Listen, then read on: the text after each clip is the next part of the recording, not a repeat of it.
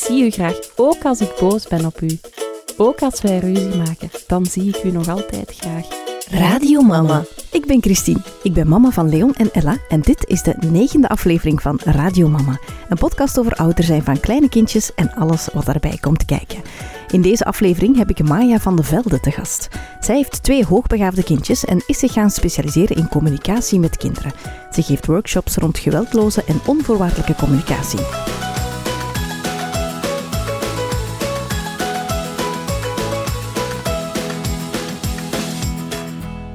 Dag Maya, welkom in de podcast. Hallo, dank u. In deze aflevering gaan we het hebben over onvoorwaardelijke communicatie uh, met je kinderen. Dat is iets waar jij veel mee bezig bent, hè? Ja, dat klopt. Vertel eerst eens even wie je bent en uh, ja, waar je zo al mee bezig bent.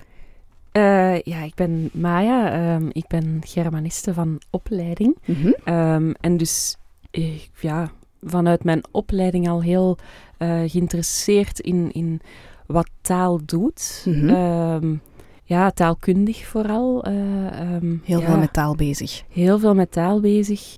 En van daaruit, uh, toen ik kinderen kreeg, ja, ben ik daar een beetje over beginnen nadenken van wat doet die taal eigenlijk um, ja, in, in de interactie met uw kinderen.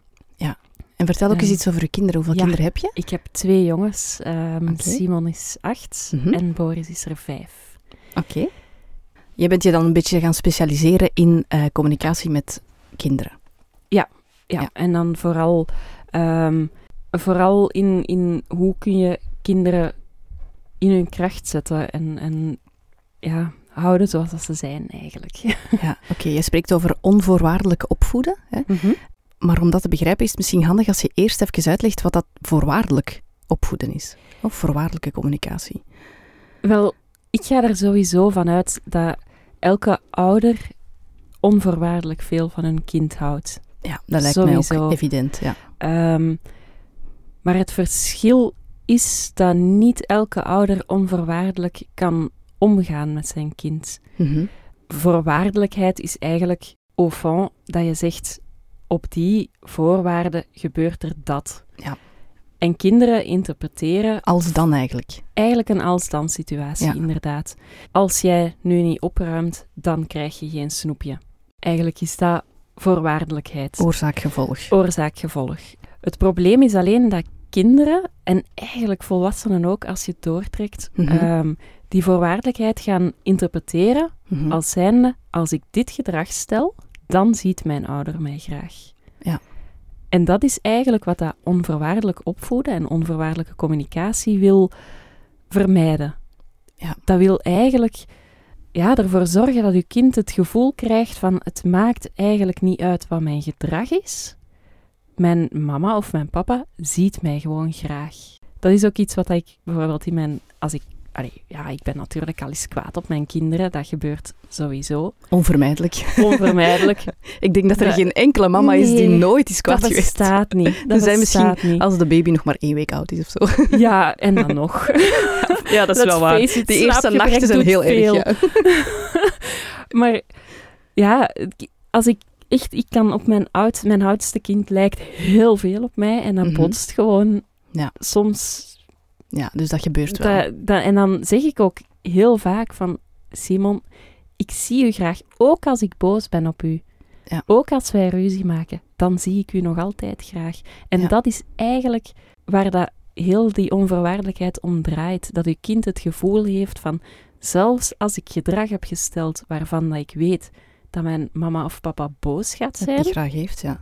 ook dan gaan ze mij graag zien en kan ik daar terecht. Want de klassieke manier van opvoeden, Hm. die we ook allemaal zo'n beetje hebben meegekregen van onze ouders en onze ouders van hun, van hun ouders en zo verder, is dan toch wel, wel eigenlijk voorwaardelijk dan. Hè? Want Ja. als je dat gedrag stelt, ben je braaf. En als je dat gedrag niet stelt, Ben je of stout. ben je stout. Hè? Ja. inderdaad. Ja, maar en ik je denk hebt dat, brave kinderen en je hebt stoute kinderen. ja, en dat er niemand eigenlijk bij stilstaat bij wat het dat emotioneel voor een kind doet. Hè? Nee, dat is eigenlijk... Ja, eigenlijk gaat het dat ook... Sta je daar ook niet bij stil. Nee. Nee, niemand Omdat doet je dat je expres dat- met nee, foute voilà. bedoelingen. Hè? Tuurlijk, dat, en daar ga ik ook altijd van uit dat Ja. niemand dat expres doet. Maar je bent dat ook gewoon, gewoon, dat wordt al generaties na elkaar Doorgegeven. ja. doorgegeven van, oké, als je stout bent, ga je in de hoek en zeg maar tegen een kind, oh, jij bent een stouterik. Ja. Ik wil ze niet de kost geven, alle kinderen die dat, dat horen. Nee, en het wordt ook nog, nog over, les over gegeven in pedagogische richtingen. En Ja, op school veel. wordt het nog zo gedaan. Heel en in eh, kinderdagverblijven en zo Ja. ook. Hè. Dus je, Het je kan mensen eigenlijk hè? niks verwijten dat, dat ze hun kinderen zo opvoeden. Hè. Want eigenlijk wordt het, wordt het bijna door iedereen zo voorgedaan. Hè. Ja, sowieso. En het is ook, voorwaardelijkheid is heel makkelijk, hè. Mhm. Allee, ziet er makkelijk uit. Ja. Want dat is gewoon, oké, dat zijn heel duidelijke Regels, ja. Heel duidelijke regels. Uw kind doet dat, dus reageer je zo. Ja. Punt. Terwijl onvoorwaardelijkheid is meer een chaos. Allee, lijkt meer een chaos. En is het dan ook zo, gaat het over straffen en belonen dan? Ja. Ja, dus onvoorwaardelijk opvoeden is dan eigenlijk opvoeden zonder, te straffen, ook Ja. zonder te belonen dan? Ook zonder te belonen. Want Ah ja, eigenlijk is een beloning die niet gegeven wordt een straf. Ah ja, oké. We gaan er straks even dieper op ingaan over wat het precies is. Hè? Maar Mhm. ik zou eerst eens graag willen horen eh, hoe dat je daar bent opgekomen. Ja, acht jaar geleden ben ik moeder geworden. Mhm. Ehm, en zoals ik al zei, Simon, mijn oudste, die lijkt heel veel op mij. Mhm. Ehm, en dat is een, een ja, sowieso een, een hoogbegaafd kind, alle twee. Ehm, maar Simon heeft de neiging om alles wat dat een beetje ruikt naar routine en naar regels, ja, probeert hij te ontwijken. ja. Dus bijvoorbeeld, hij was altijd al een slechte slaper. En rond een jaar of twee hadden wij zoiets van, ja, iedereen zegt dat wij routine moeten geven en dan altijd hetzelfde Mhm. eh, doen. Dat zeggen ze inderdaad hè, bij jonge kinderen. Ja, voilà. En dat ging de eerste keer, dan vond hij dat interessant. En de tweede keer had hij al door wat dat er ging gebeuren. En de derde keer begon hij zo de loopholes te zoeken. Ja. Van, hoe kan ik hier onderuit komen?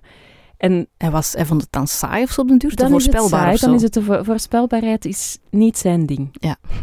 en dat is eigenlijk iets wat hij altijd is blijven doorzetten bij eigenlijk zo goed als elke regel dat wij probeerden te, te stellen, die niet voorwaardelijk, allee, die niet onvoorwaardelijk werd gesteld, Mhm. probeerde die altijd van, oké, maar Ja. als nu dat Wat en als- dat en ja, ja. dat, wat dan? Ja. En dan, ja, En die had daar plezier in, op die manier. ja, plus, ja, je komt dan uiteindelijk in een, in een soort machtsstrijd met je kind Mhm. over wat zijn nu mijn regels die ik belangrijk vind Mhm. en je kind die dat probeert daaronder uit te komen. Te omzeilen, ja. En dan heb je zoveel ruzie Ja. dat het eigenlijk gewoon niet meer leuk is. En gaat het dan enkel op die structuur? Want ik kan me voorstellen dat sommige kinderen wel gebaat zijn met structuur. Dat gaat niet alleen over structuur, dat gaat echt over, over regels stellen. Hè? Ja. En, en over, kijk, dit zijn nu eenmaal de regels bij ons in huis. Mhm. Ehm, en ja, als je, zoals ik, verbaal heel sterke kinderen hebt, Mhm. ja, dan, dan verzeil je gewoon je ergens niet. in een discussie die je Ja. nooit kan winnen, die Ja. niemand kan winnen eigenlijk, want je verliest er alle twee aan. Ja. Zij hebben heel veel nood aan duiding en aan, aan, ja, wel aan die regels en dat kader om binnen te bewegen, Mhm. Maar ja, als Dan je moet je dat al niet... super consequent en heel Voilà. intelligent alles hebben Voilà, uitgedacht en inderdaad. geen enkele keer En dat toegeven. kan ik niet. Nee. nee, dat kan toch niemand, Dat denk kan ik. niemand. Dat, is, dat, dat kan je gewoon niet uithouden. Nee. Dus En wanneer is dan de klik gekomen bij u? ehm, ik ben ergens... Ja, goh, dat is zo geleidelijk aangekomen. Ik heb ergens is, is heel, ja, sowieso heel veel gelezen erover. Mhm. Ik ben eens naar een workshop geweest over ehm Alita Salter ehm, Mhm. en haar theorie. Dat is de aware parenting? Dat is aware Ja. parenting, inderdaad. Dat is voor mij een beetje een- de eye-opener geweest van oké, is- we, we zijn Bewust goed ouderschap bezig. is dat. En, eh, kan je dat heel kort eh, vertellen waar dat, dat, dat principe op zich baseert? dat weet ik nu Ehm, zelf niet. Dat is eigenlijk... goh, Of is dat wel een, een lastige vraag om het kort samen te vatten? ja, kort samenvatten is moeilijk soms. eh. Ehm, ja, wat dat zij vooral zegt is van... Kinderen hebben de behoefte om hun emoties te uiten. Ja. Ehm, heel vaak is dat in de vorm van huilen. Mhm. of heel hard lachen dat overgaat in huilen. En als een kind bepaald gedrag stelt, ongewenst gedrag dan vooral, Mhm. ehm, is dat eigenlijk het opzoeken van grenzen om die emotionele ontlading te kunnen bereiken. Ja. Dat is eigenlijk in het heel kort, maar dan doe ik wel een beetje afbreuk aan haar theorie. Ja. Maar We zullen er later nog eens heel kort eh, wat dat zij eigenlijk zegt. Dat Klinkt al interessant, vind Ja, ik. voilà, dat Ik vond ben ik al ook. getriggerd om eh, de rest te Ja. gaan ontdekken. Wel, dat, dat vond ik ook heel interessant en echt wel een eye-opener als zijnde van, oké, mijn gevoel is eigenlijk juist dat mijn kind niet een stout kind is of, of een Mhm. lastig kind, of, maar dat hij gewoon ook zijn emoties heeft. Ja. Sowieso was ik al thuis in het, in het eh, attachment parenting. Ja. Eh, dus waarbij dat je je kind eigenlijk Heel natuurlijk heel opvoedt, natuurlijk opvoedt. Als zij kort bij u houden en alles zoveel mogelijk in het werk stellen om de hechting tussen ouders en kinderen Ja, een responsief eh, ouderschap. Ja, ja, Eh, snel reageren. zijn, snel op huilen en reageren. zo, Voilà. Maar ja, ergens rond de tijd dat ik naar die workshop ben geweest, vond ik dat niet meer genoeg. Nee, en ik denk dat attachment parenting, voor de mensen die het niet kennen, dat gaat inderdaad over lang borstvoeding geven, de kinderen veel dragen, samen slapen. Eigenlijk een hele natuurlijke manier van, van ouderschap. Ook de kinderen niet laten huilen, heel snel Mhm. reageren op signalen. Maar dat gaat misschien vooral over kleine kindjes. Ja, voilà, dat gevoel had ik inderdaad ook. En op een gegeven moment zit je niet meer in die symbiose. Nee, En dan wil je kind daaruit je komen en heb je ja. meer nodig. En dat miste ik op dat moment. En daar ben ik een beetje naar gaan zoeken van, oké, ik heb dan die aware parenting ontdekt. mhm. Ehm, zo'n beetje een vervolg dan eigenlijk op, het, op de attachment parenting. Ja, ik vond dat wel, hoewel dat ik dat nog altijd niet helemaal zo, dat voelde nog niet volledig. Nee, oké. Ehm, en dan ben ik verder gaan lezen en dan ben ik terechtgekomen bij de geweldloze communicatie van eh, Rosenberg. En daar dan ontdekt van, ja, goh, die heeft ook wel een punt. Veel verschillende mensen die een punt hebben. Ja, Die je dan ja hebt samengebracht, sowieso, ja. sowieso. Maar dat vind ik wel bij elk ouder- en kindpaar belangrijk. Dat Mhm. iedereen daar zo'n beetje zijn eigen ding uitneemt. Wat dat bij u past en wat dat bij uw situatie Ja, past. dat je niet blind staart op één methode, maar dat je Ja. eigenlijk verschillende Ja, elementen uit voilà. verschillende visies Voilà, haalt. inderdaad. Want wat dat voor mij haalbaar is, is niet haalbaar voor iemand anders. Nee, want, je zegt, eh, je, hebt, je kindjes zijn hoogbegaafd. Hè?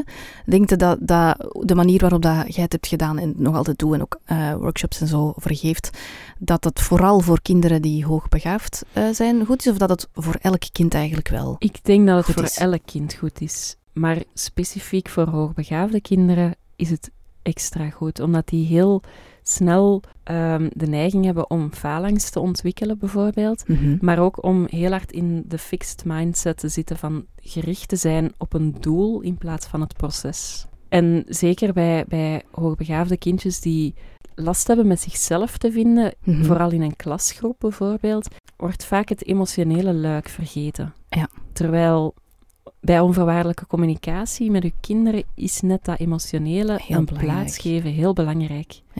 En dan is het denk ik ook goed voor kindjes met eh, een, een eh, hoog temperament. En hoog, Sowieso. hoogsensitieve kindjes ook. Hè? Ja, Ja. ja. En inderdaad, eigenlijk voor alle kinderen. Hè? eigenlijk voor alle kinderen. Ja. Omdat je ook gewoon je kind leert van te voelen wat een emotie is, Mhm. welke emotie dat er is en dat je daar, ja, dat je gewoon mensen in je leven kan hebben waar je dat veilig bij kan uiten. Inderdaad. En dat is iets wat dat heel veel wa- volwassen mensen, allee, ik kan dat zelf nog niet. Nee, nee, dat is. Ik ben dat nu aan het leren en ik ben bijna 35. Heel veel volwassenen kunnen ook niet, niet altijd ja, heel goed met hun eigen emoties om. Hè. We verwachten het Nee, eigenlijk van onze kinderen, maar we kunnen het allemaal zelf We niet. kun- nee, voilà. Allee, om het heel cru te zeggen. Ja, hè. maar dat is zo. Dat is zo. Ja. Want het, ja, het feit dat ik dat nu voor mezelf aan het leren ben, is Mhm. ook een gevolg van Ja, dat je dat ik dat aan ja. mijn kinderen probeer mee te geven. En Ja. het is heel... Nee, het is niet heel makkelijk om onvoorwaardelijk te zijn voor het, is, andere het, mensen. het voelt wel natuurlijk, hè.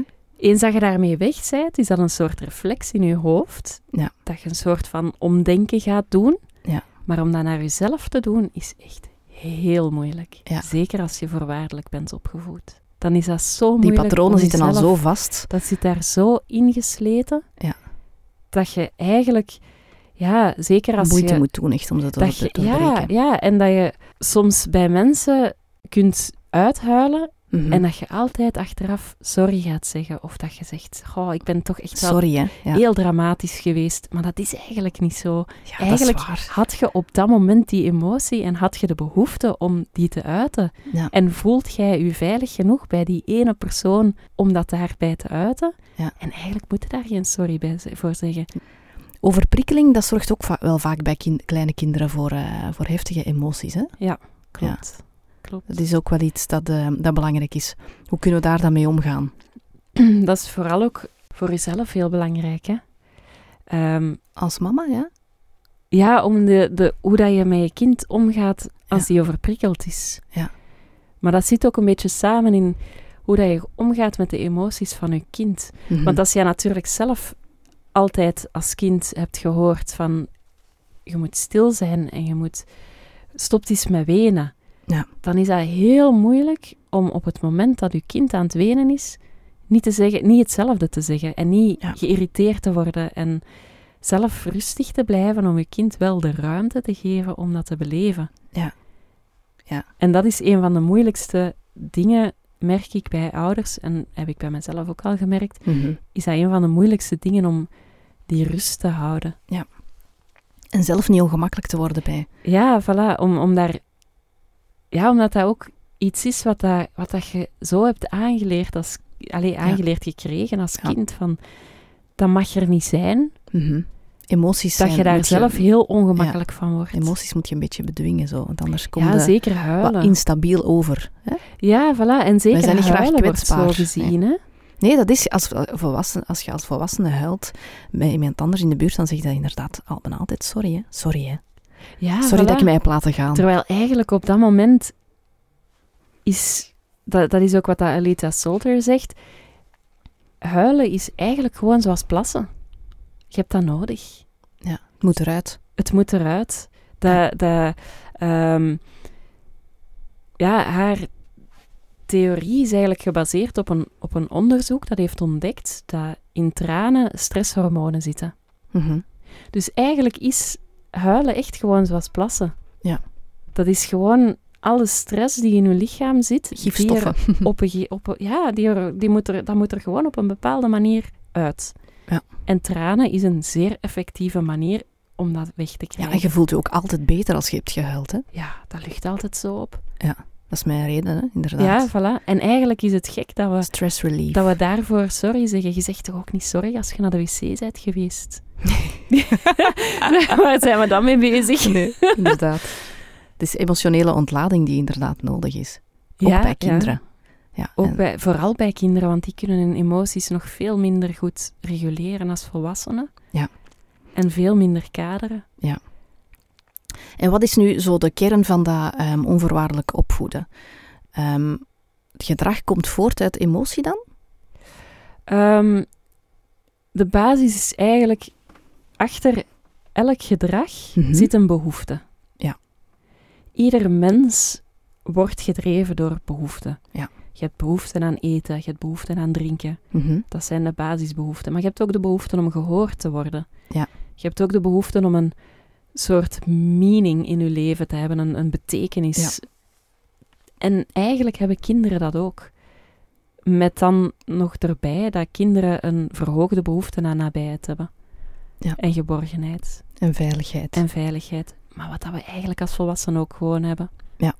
Die behoefte. Minder groot misschien, maar Mhm. die is er wel nog altijd. Of die kunnen we misschien al beter wat, wat zelf, ja, en, en Ja. zelf invullen. Dat we Ja. niet altijd misschien iemand anders voor nodig hebben, maar kinderen nog wel. Hè? Ja, kinderen kunnen dat niet, kunnen dat niet alleen. Hè? Nee, inderdaad. En die, daar straks sprak je over geweldloze communicatie. Ehm, ik heb zelf, als ik eh, in mijn opleiding als logopediste, heb ik daar eens een lezing over gekregen op school. En dat is mij echt bijgebleven. En ik ben toen zelfs die boek gaan kopen. Dus toch, hè, als, Ja, als ja. 21-jarige is dat toch wel eigenlijk. Ja, voilà. Dus ik vond dat heel boeiend. En daar, daar, wat daar mij vooral uit bijgebleven is, is dat je je ehm, communicatie moet voeren vanuit de ik-vorm. Dus dat je eigenlijk alles moet zeggen vanuit ik en niet vanuit jij. Mhm. Want als je zegt van ehm, jij reageert zo, dan geef je eigenlijk ja, een waardeoordeel over het gedrag van iemand anders. Ja, heel veel ik-boodschappen. En dat is moeilijk. Dat is want heel hè? veel mensen hebben geleerd van... Je moogt niet te veel vanuit jezelf vertellen, want dan... ja, dan, dan dat is egoïstisch. Ja. Terwijl een ik-boodschap zoveel minder aanvallend is. Ja, dat is het, hè? Dat is gewoon, ja, geweldloze communicatie is ook, ja, het basisidee, wat ik een heel mooi idee vind, Mhm. is dat, oké, je hebt behoefte en elk gedrag, achter elk gedrag zit die behoefte. Mhm. Maar als we nu gewoon gaan kijken naar wat die behoefte is, Mhm.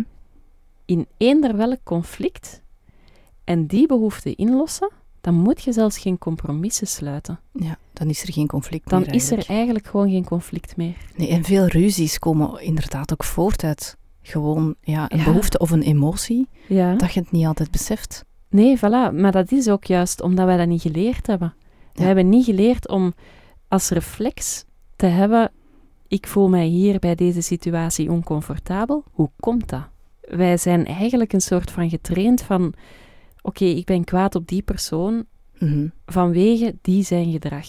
Ja. En niet om te denken: ik ben kwaad op die persoon, want die heeft dat gedaan. En daardoor voel Maar hoe ik mij... komt dat nu Ja. dat Ah, ik ja. daardoor getriggerd word om Ja. kwaad te worden? Ja.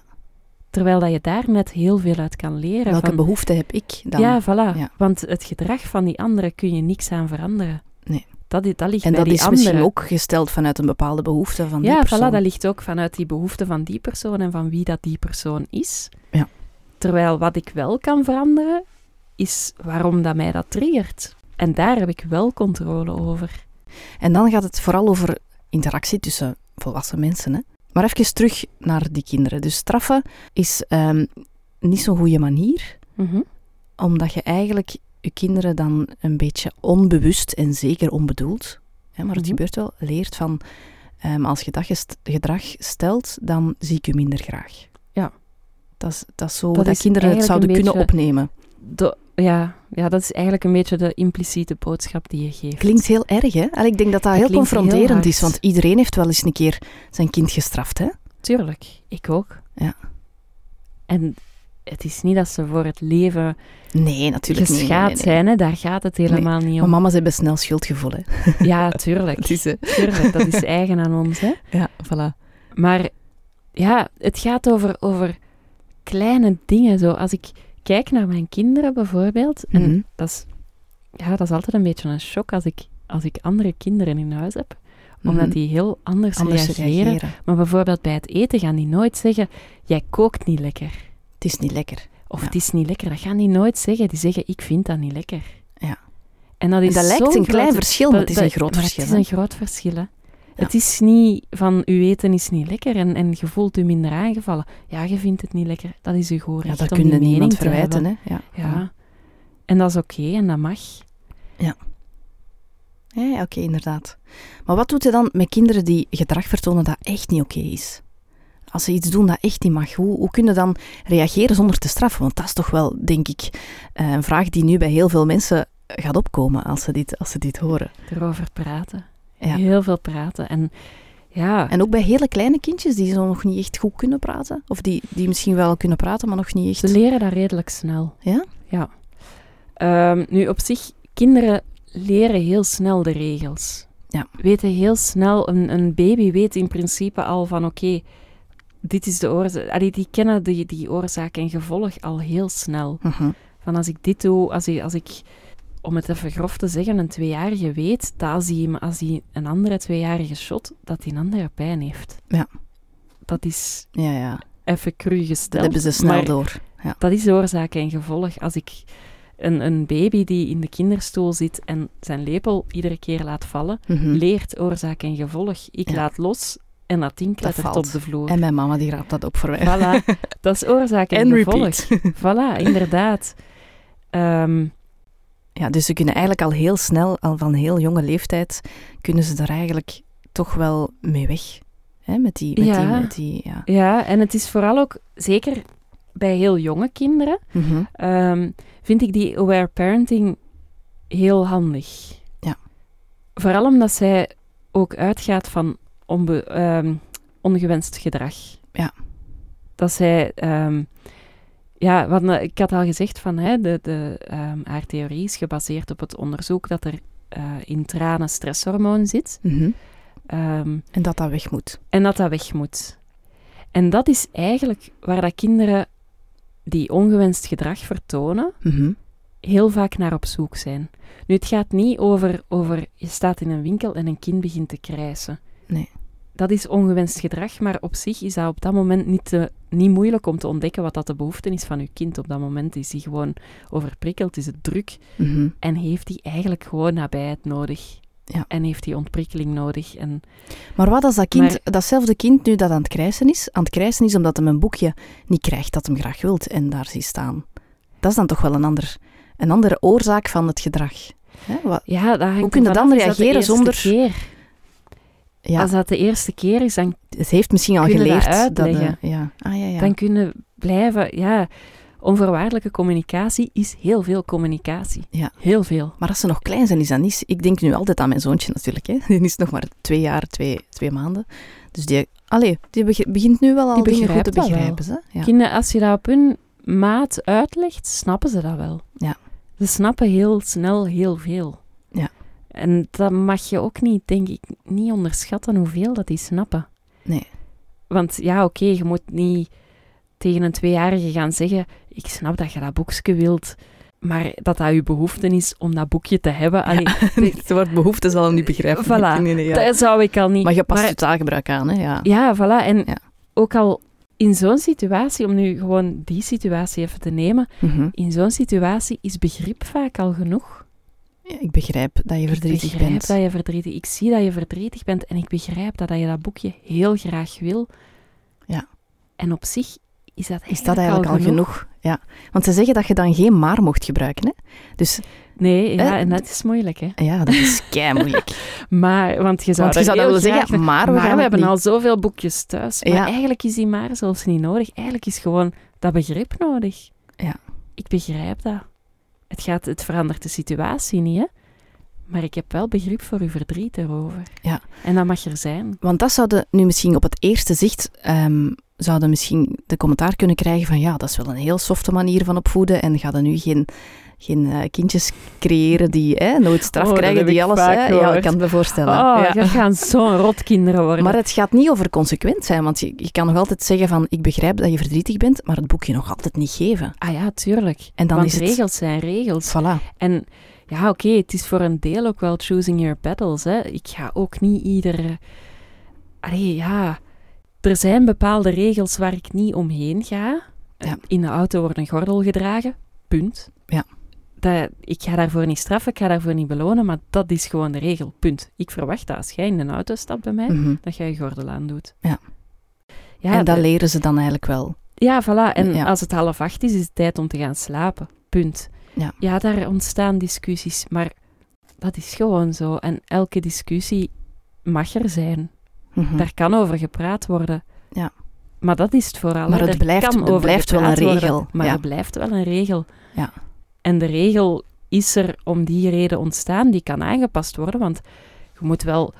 Ja, in zekere zin consequent zijn als zijnde, er zijn wel regels. Het is niet grenzeloos opvoeden. Ja. Er zijn regels, er zijn grenzen. Ja. Maar daar kan wel over gepraat worden. Ja. Op zich, als mijn kinderen iets verkeerd doen of iets doen waarvan dat ze weten dat ik daar kwaad van ga worden, Mhm. ja, dan vinden ze dat niet alleen lastig voor zichzelf, Ja. maar eigenlijk ook voor mij, omdat ze ook wel weten dat ik dat erg vind en dat Ja. ik eigenlijk ook wel een bepaald verwachtingspatroon heb van hun. Ja. En dat ik daar ook kwaad van kan worden als dat niet... Ja, dat klinkt nu alsof dat ik heel veel druk op hun leg, Nee. maar ja, Nee, ik denk net eigenlijk, ik, ik had net in mijn hoofd om te vragen van ja, om te zeggen van, dat is gewoon heel veel wederzijds respect. Hè? Dus ja. jij toont heel veel respect voor hun emoties en, en hun ja, oorzaak van hun gedrag eigenlijk. ja. Maar daar creëert eigenlijk mee dat zij ook u heel hard respecteren. Ja, dat is zo. En dan merk ik ook zo van, ja, als ik het moeilijk heb, dan kan ik ook gewoon zeggen van, "Foe, jongens, kunnen nu heel even een beetje rustig doen, want ik had een hele drukke dag op het werk. Ik ben helemaal overprikkeld. Ja. En dan hebben die daar respect voor. En dan komen die wel eens zeggen van, goh, wil je een knuffel, mama? Of eh, kunnen, we, kunnen we helpen? Ja. En dan denk Fijn. ik, ja, dan heb ik toch ergens iets juist gedaan. hè. Ja, tuurlijk. en vanaf welke leeftijd ben je daar zo ongeveer mee begonnen? Kun je daar zo...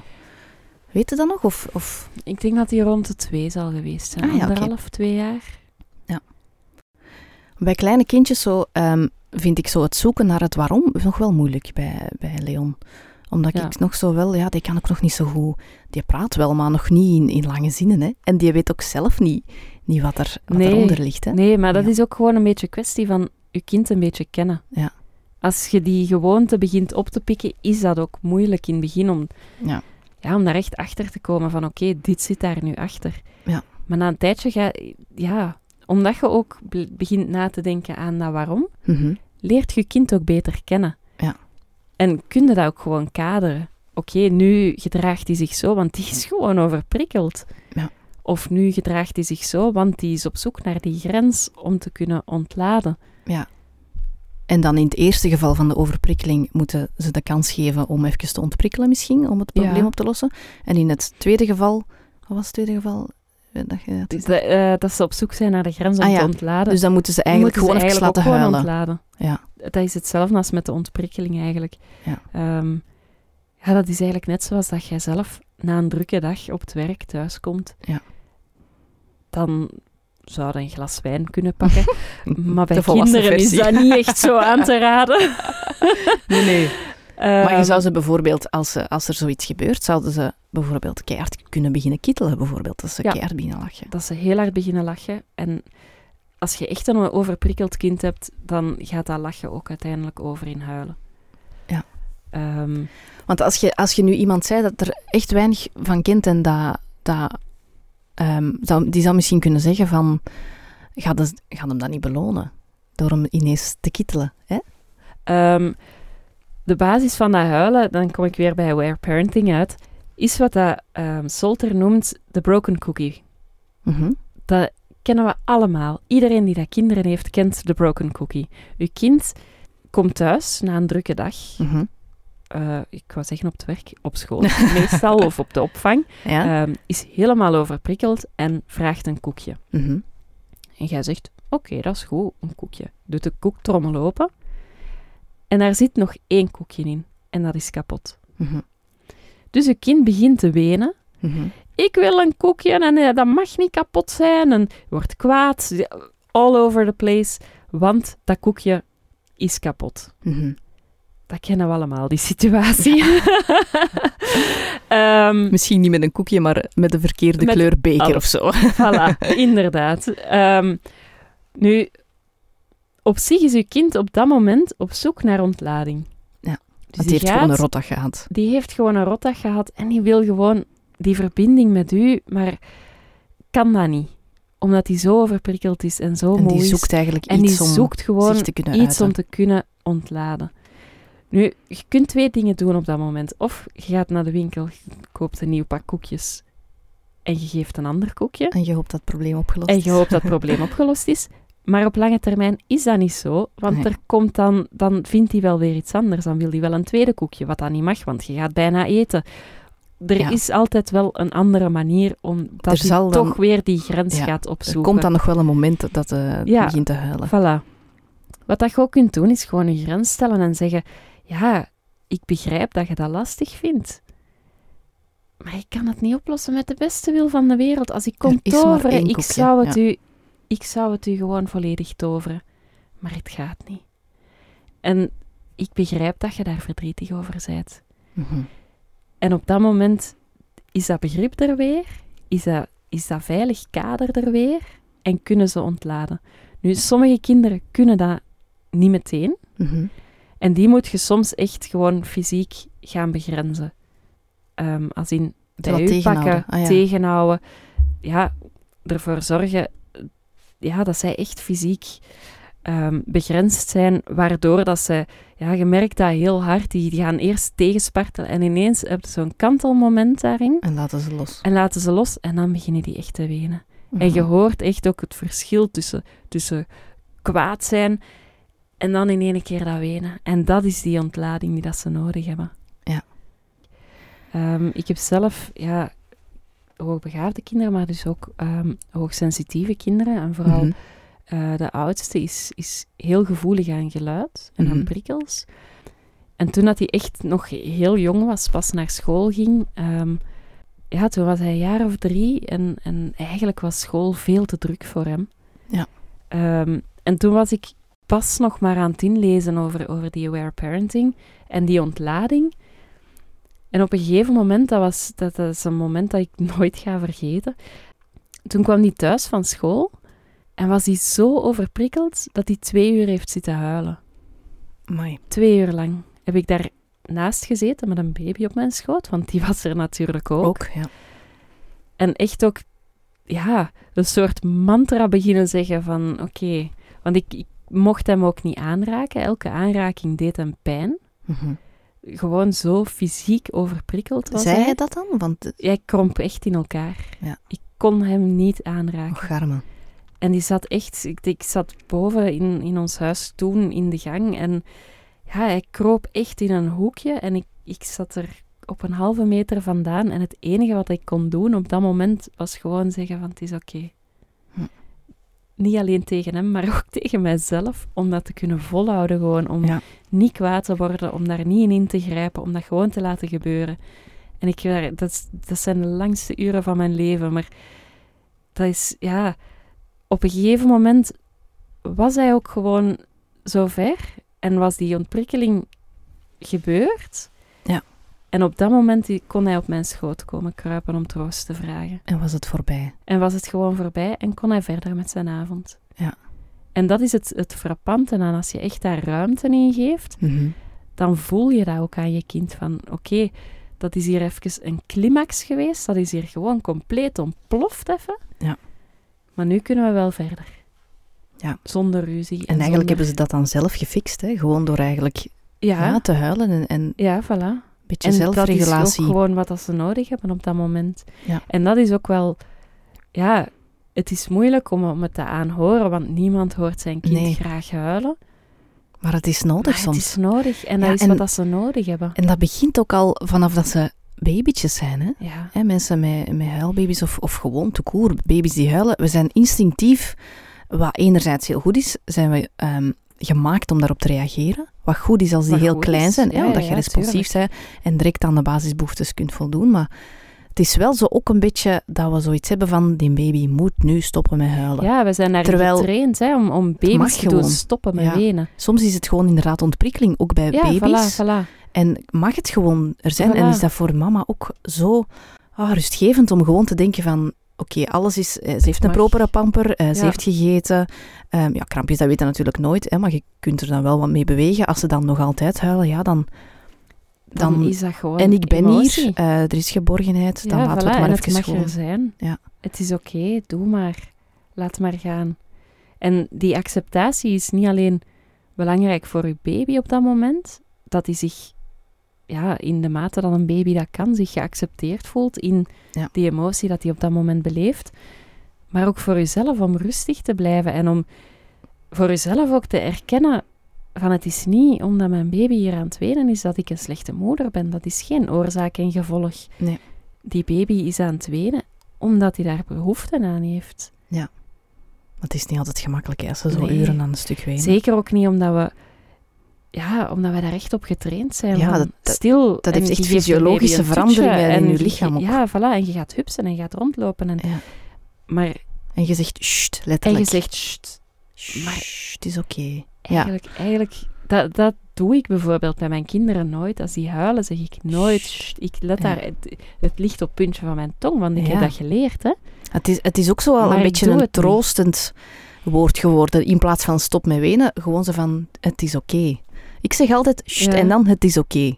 En met die het is oké bedoel ik dan echt wel van, van het mag. Allee, Ja, je voilà. mocht wenen. ehm, Maar eigenlijk moet je daar gewoon je eigen mantra in zoeken. Van, Ja. Mijn mantra is gewoon beginnen zingen. mhm. bij mijn jongste. Mijn oudste die heeft een mening over mijn zangstem. Ehm, ja, beginnen zingen. En, en, en bij de oudste is het vooral van oké, doe maar. Ja. Doe maar. En als je klaar bent, dan ben ik er voor u. Ja. En dat is voor hem de clue en voor mijzelf ook om, Ja. Ja, om mezelf te blijven bevestigen van oké, kalm blijven en het is oké. En ja, Ja. je moet daar zelf ook een beetje in zoeken van hoe dat je zelf rustig kunt blijven in zo'n situatie. Want alles wat je nu vertelt klinkt eigenlijk heel gemakkelijk en klinkt ook heel logisch. Zo van, ja, dat is eigenlijk waar. Mhm. En toch is het iets wat niet gangbaar aangenomen wordt. Hè? Allee, is het...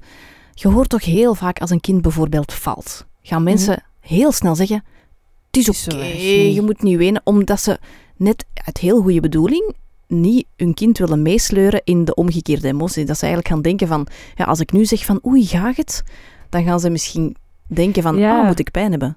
Maar je hebt... Je ja, hebt iets dat ertussen. is, dat is ertussen eigenlijk. Hè. Je moet inderdaad niet zeggen stil zijn. Nee. Het is allemaal zo erg niet, want dan ga je voorbij aan de behoefte van je kind om, om Even te ontladen even over te die ontladen gebeurtenis. en die geborgenheid te hebben en zich veilig te voelen.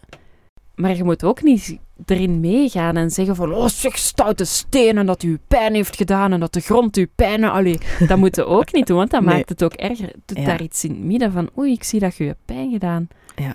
Gaat het? En betrokkenheid tonen en die verbinding maken van Ja. waar heb je pijn en kan ik je helpen en, en ah, zal ik er een kusje op geven? Heeft dat geholpen? Nee, mm, dan moeten we toch precies een andere oplossing zoeken. Ja. Denk zelf eens na over die oplossing. Wat zou jou kunnen helpen? Ja. En dat is een heel groot verschil, hè, van, van ja, Ja. Dat ze eigenlijk zelf ook gaan, gaan leren om hun, hun ja, problemen eigenlijk op te lossen.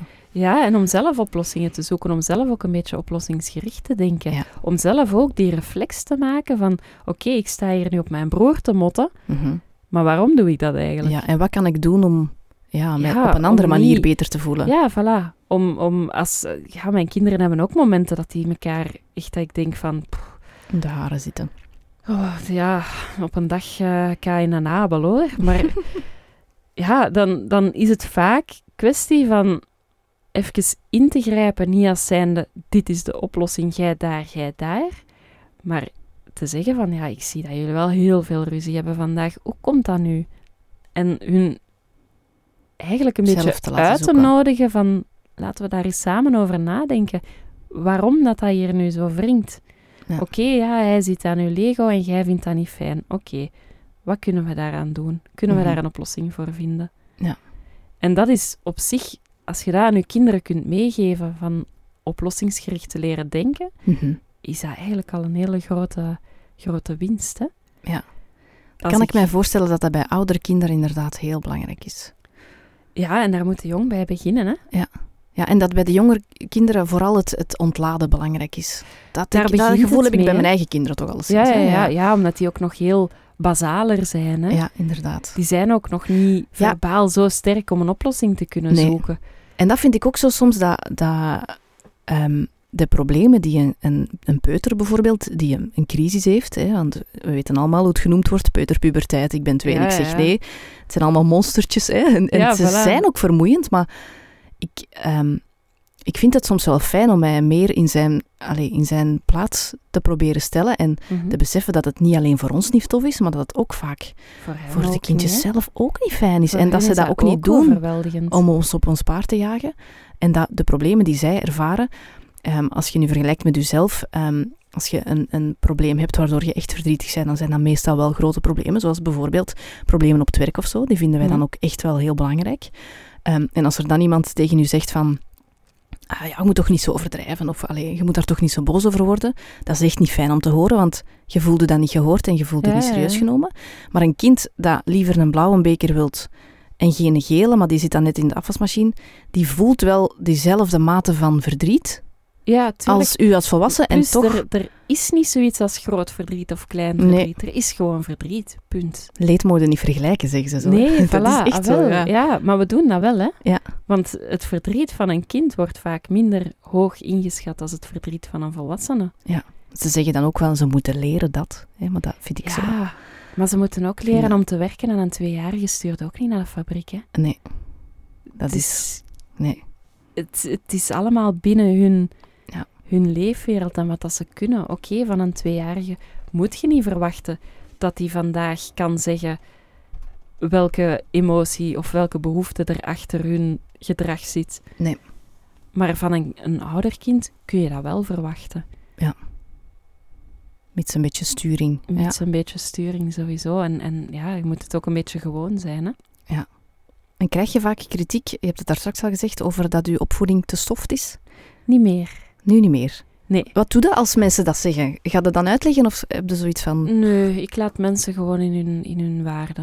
Ja. ja, ik denk dat Ah, ik dacht je ging zeggen in hun, in hun eh, waan. eh. Ah, nee, nee, nee. nee Ieder heeft zijn eigen manier. Iedereen hè? heeft ja. zijn eigen manier en dit is nu mijn manier en dit werkt voor ons en wij zijn een goed team daardoor. Ja.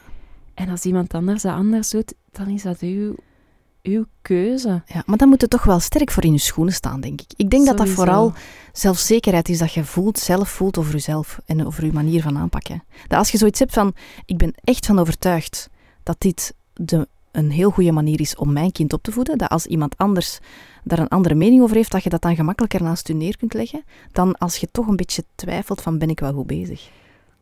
Ja, dat heeft te maken met zelfzekerheid, maar ook met leren loslaten. Hè? Ja. Gewoon, Vertrouwen op je jij hebt het ja. recht om het op uw manier te doen en ik heb het recht om het op mijn manier te doen. Ja. En ja, als uw kind op een gegeven moment... eh, allee, ik kan me herinneren dat ik eens naar de Albert Heijn ben geweest. ehm, en Boris, die was toen anderhalf of zo. Mhm, En die, ja, dat was gewoon een kakdag. mhm. Dat gebeurt. Voor hem, voor mij, voor Simon was dat ook een stomme dag. Ja. En hij heeft daar een kwartier zitten brullen. Ik weet al niet meer waarom, maar hij zat in het midden van de winkel te brullen. Ja. En daar was een ma- oude madameke en ik be- ben er eigenlijk gewoon naast gaan zitten, Ja. omdat hij dat gewoon op dat moment Nodig nodig, had. had. En ik ben naast hem op de grond gaan zitten, mijn kar naast mij. En Mhm.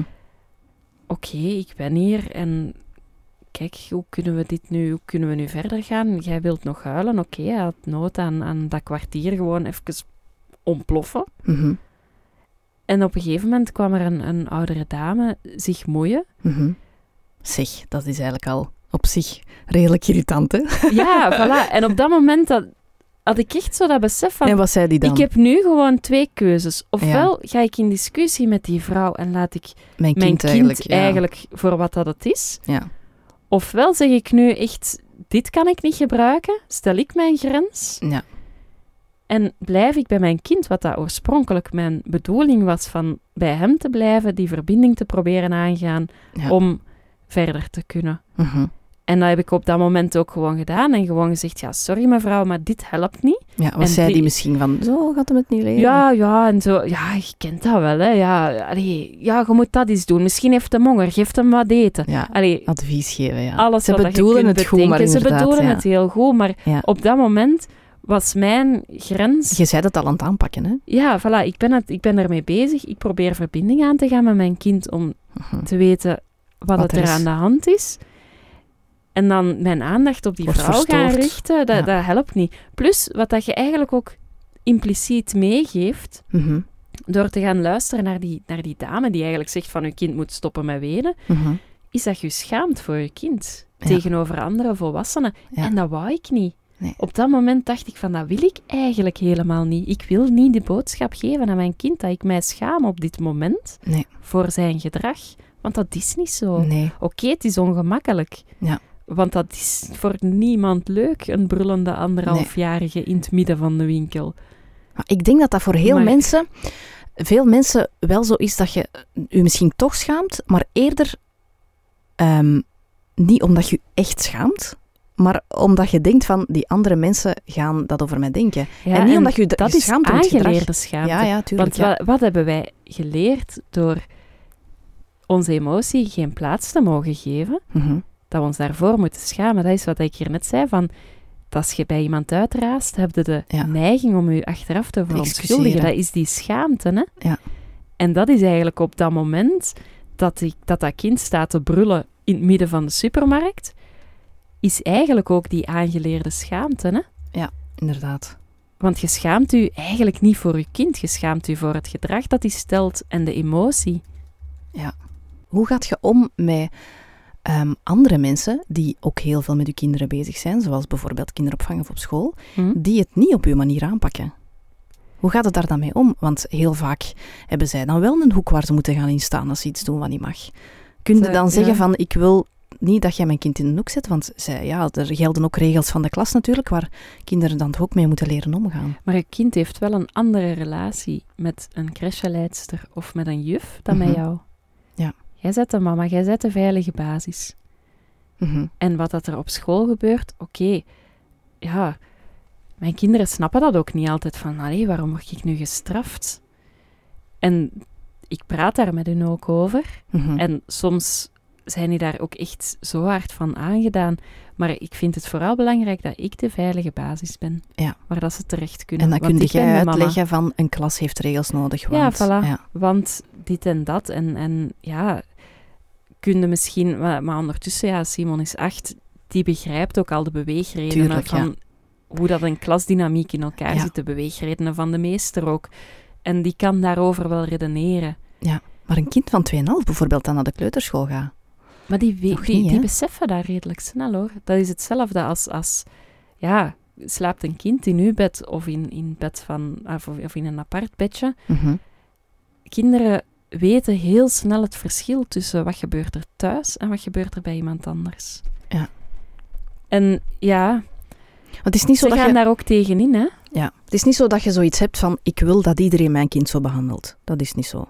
Of Goh, Ja, ik liefst probeer wel, daarover maar- te praten. Hè. Als, als mijn ouders iets tegen mijn kinderen zeggen van, oh, zeg, doe eens niet zo flauw, dan zeg ik daar iets op. Mhm. En dan neem ik het op voor mijn kind en dan zeg ik, zeg, die is wel nog maar vijf, hè. Ja. Je kunt niet verwachten dat die, dat die na zo'n drukke dag, of dat die nu op dit moment in deze situatie reageert als een volwassene. Dat kun je niet verwachten. Nee. Dat vind ik wel belangrijk. Als ik erbij ben, dan neem ik het voor hun op. Dat ze moeten ook wel sterk voor in de schoenen staan. Hè? Sommige mensen Dat dat, is misschien niet durven moeilijk. tegenover hun schoonouders of zo, of, of tegenover crècheleidsters tegenover of uw school. eigen ouders is dat Ja. heel moeilijk om het op te nemen voor je kind.